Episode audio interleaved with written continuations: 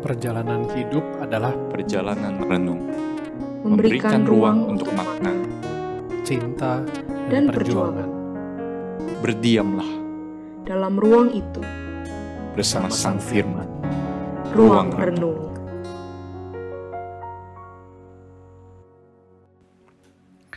Hari ini kita akan melanjutkan perenungan kita dari kejadian 2. Ini saya ambil dari ayat eh, 20b sampai 25. Tetapi baginya sendiri, yaitu Adam, ia tidak menjumpai penolong yang sepadan dengan dia.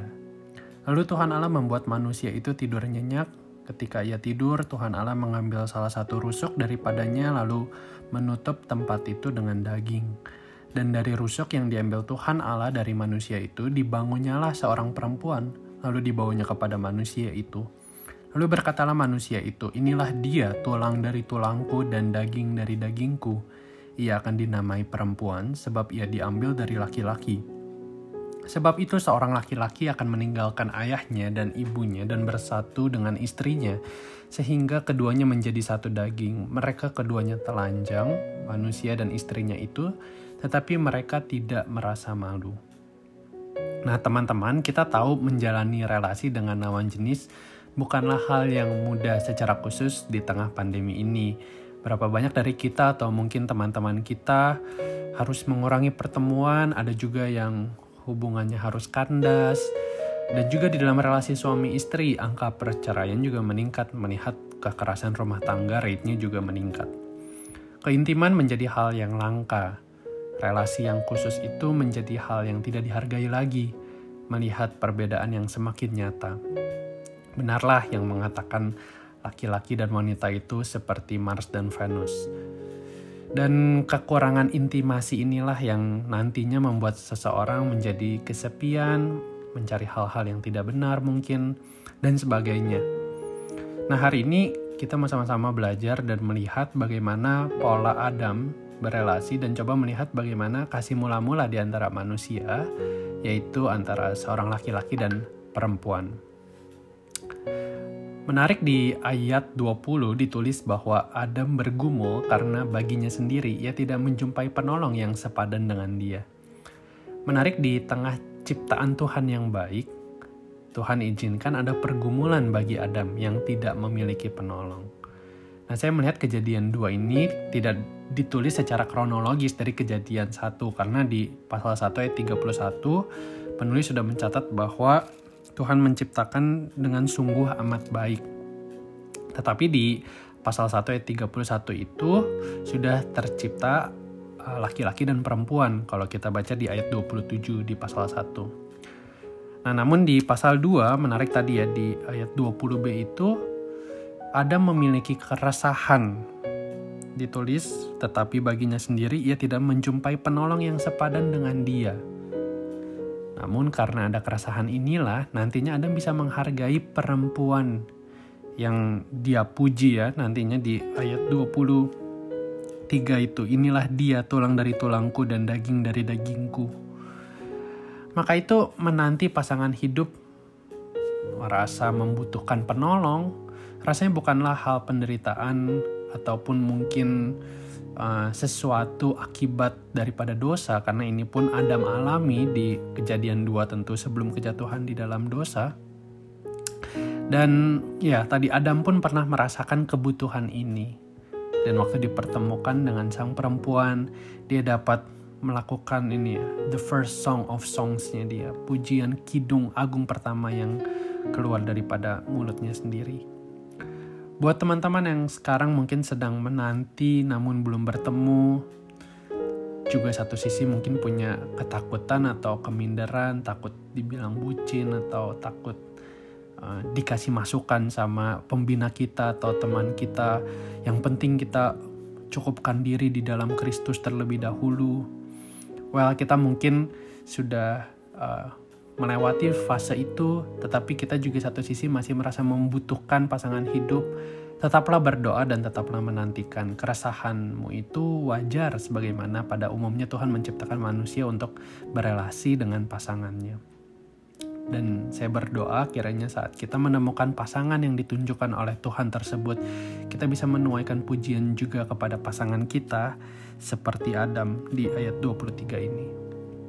Nah, menarik pujian Adam kepada Hawa bukanlah fokus di dalam perbedaan yang ada, meskipun tentu saya yakin tubuh dan rupa mereka berbeda.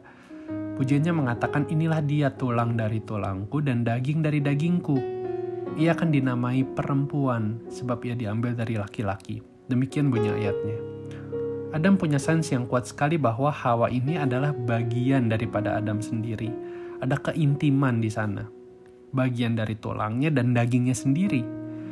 Dan di bagian akhir bahasa Ibrani-nya itu mengatakan ia akan dinamai perempuan, Isah, karena ia diambil dari laki-laki Is. Isah adalah bagian dari Is itu sendiri. Gambaran pujian ini mendeskripsikan sekali ayat sebelumnya ya, di mana Hawa memang diambil dari tulang rusuk Adam. Matthew Henry pernah berkata, perempuan tidak diambil dari tulang kepala karena perempuan bukanlah yang mengapalai laki-laki atau keluarga. Bukan juga diambil dari tulang kaki karena ia bukan untuk diinjak-injak. Melainkan ia diambil dari tulang rusuk yang dekat dengan hati, supaya perempuan bisa dikasihi dan dilindungi Di sinilah laki-laki memiliki peran untuk menjagai, menghargai, mencintai, dan melindungi perempuan. Dan dari sini muncullah kovenan pernikahan yang ada di ayat 24-25. Menarik bahwa seorang laki-laki harus pergi meninggalkan ayahnya dan ibunya untuk bersatu. Atau saya lebih senang dengan kata memegang erat. Bahasa Inggrisnya yang menerjemahkan cling atau hold fast dari bahasa aslinya davak jadi dia harus dawak istrinya, harus ber, memegang erat, harus cling atau hold fast his wife. Menarik waktu itu belum ada ayah dan ibu ya sebenarnya. Jadi Adam adalah manusia pertama tetapi Tuhan ingin menunjukkan bahwa hubungan suami istri ini sakral adanya. Bahkan melampaui relasi orang tua dan anak. Karena suatu saat anak itu akan meninggalkan rumahnya dan bersatu dengan istrinya dan akan memegang erat istrinya. Hal menarik lainnya di tengah budaya patriarkal saat itu di mana perempuan yang ikut suami, ayat ini malah menuliskan bahwa laki-laki yang meninggalkan rumahnya dan dia yang akan memegang erat istrinya. Bukan berarti perempuan tidak meninggalkan rumah, tetapi laki-laki lain dipanggil untuk mengambil dan melindungi perempuan yang ada yang akan menjadi istrinya. Dan dikatakan mereka akan menjadi satu daging, dua menjadi satu. Inilah salah satu dimensi keintiman yang paling menggambarkan manusia sebagai gambar Allah, bukan sebagai seorang diri, tetapi sebagai pasangan, karena adanya pluralitas di dalam kesatuan. Bukankah relasi ini begitu sakral yang diwujudkan dalam hubungan suami istri, yaitu hubungan seksual? Paulus pun memakai ayat ini untuk menggambarkan misteri pernikahan, keintiman, kenikmatan, dan kesatuan yang demikian adalah suatu relasi yang akan digenapkan di dalam relasi Kristus dan gerejanya. Dengan demikian, hargailah pasanganmu sebagaimana relasi laki-laki dan perempuan yang kudus akan merepresentasikan relasi Kristus dan kita sebagai umat percaya. Mungkin kegagalan atau sakit hati yang besar antara pasangan bermula dari hal-hal kecil. Kita lihat bagaimana Hawa digoda oleh ular di kejadian 3. Loh bukannya harusnya di pasal 2 ayat 24 Adam harus memegang erat istrinya. Hingga akhirnya mereka saling menyalahkan dan saling menutupi satu sama lain dengan cawat karena mereka merasa malu satu sama lain. Bagi saya menghidupi relasi yang ideal menjadi tantangan yang besar di tengah zaman yang mudah untuk berdalih, di tengah zaman yang menilai kesetiaan itu begitu murah, kesetiaan menjadi hal yang langka, pornografi di mana-mana yang menunjukkan perempuan sebagai komoditas belaka, kekerasan terhadap perempuan meningkat, juga anak-anak muda yang tidak menghargai relasi antar pasangan, meninggalkannya begitu saja, memainkan relasi tersebut, menduakan pasangan, dan sebagainya. Mulailah dengan menghargai relasi itu sendiri. Buat yang sedang menanti, hargailah lawan jenis yang mungkin kamu sukai nanti.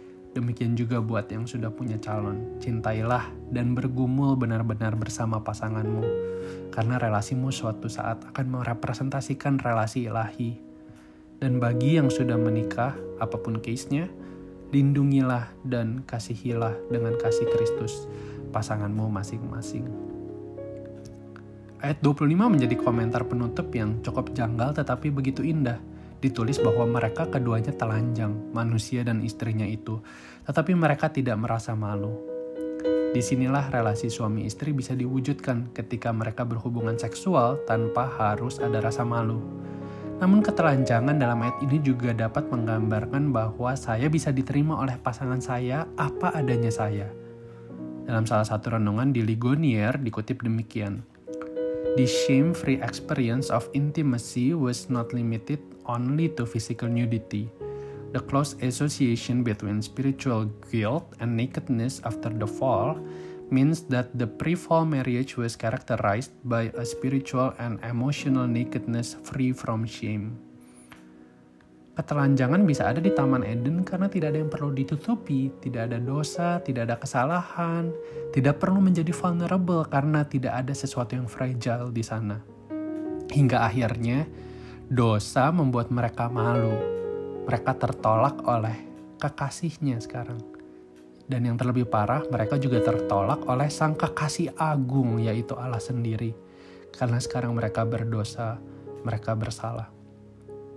Jikalau nantinya di pasal 3 ada binatang yang dikorbankan untuk menutupi malu mereka akibat salah mereka. Nantinya sang kekasih agung, yaitu Kristus sendiri, sebagai representasi dari mempelai laki-laki yang mau memegang erat kekasihnya, yaitu gerejanya. Ia datang sebagai korban untuk menutupi malu kita, orang-orang berdosa. Sehingga kita bisa kembali telanjang secara spiritual di hadapan Allah, tanpa rasa malu dan kita bisa diterima kembali. Karena itu teman-teman belajarlah relasi yang mau berkorban demikian. Yang tidak akan melepaskan pasangan kita. Karena Kristus juru selamat kita telah memberikan pola itu. Pola yang mau berkorban bagi pasangannya. Kiranya Tuhan boleh menolong kita di dalam menantikan pasangan hidup. Kita boleh senantiasa berdoa untuknya, buat kita juga yang mungkin sedang berelasi saat ini untuk menuju pernikahan. Kayak Tuhan juga boleh menolong kita untuk bergumul, untuk boleh semakin mencintai pasangan kita. Dan buat kita mungkin yang sudah menikah, kita pun juga boleh bergumul untuk senantiasa mengasihi dan melindungi pasangan kita. Tuhan memberkati setiap kita.